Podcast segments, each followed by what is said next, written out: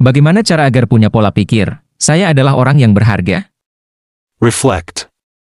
Reconnect. Refocus. Gunakan rumus ini dalam keseharianmu. Reflect.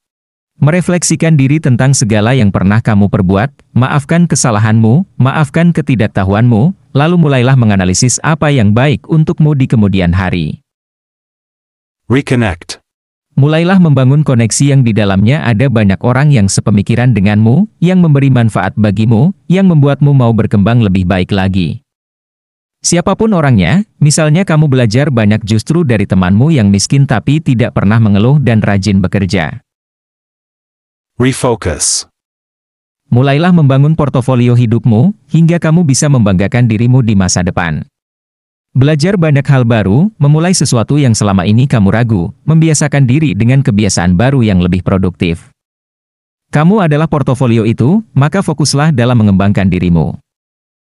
Banyak orang yang sering salah berpikir bahwa untuk menjadi berharga mereka butuh pengakuan orang lain, padahal yang paling penting dan utama adalah pengakuanmu terhadap apa yang sudah kamu raih sejauh ini, apa yang membuatmu bangga ketika melihatmu sudah lebih baik dari kemarin. Kompetisimu bukan dengan orang lain, tapi dirimu yang kemarin. Masa ia mau selamanya berputar di tempat?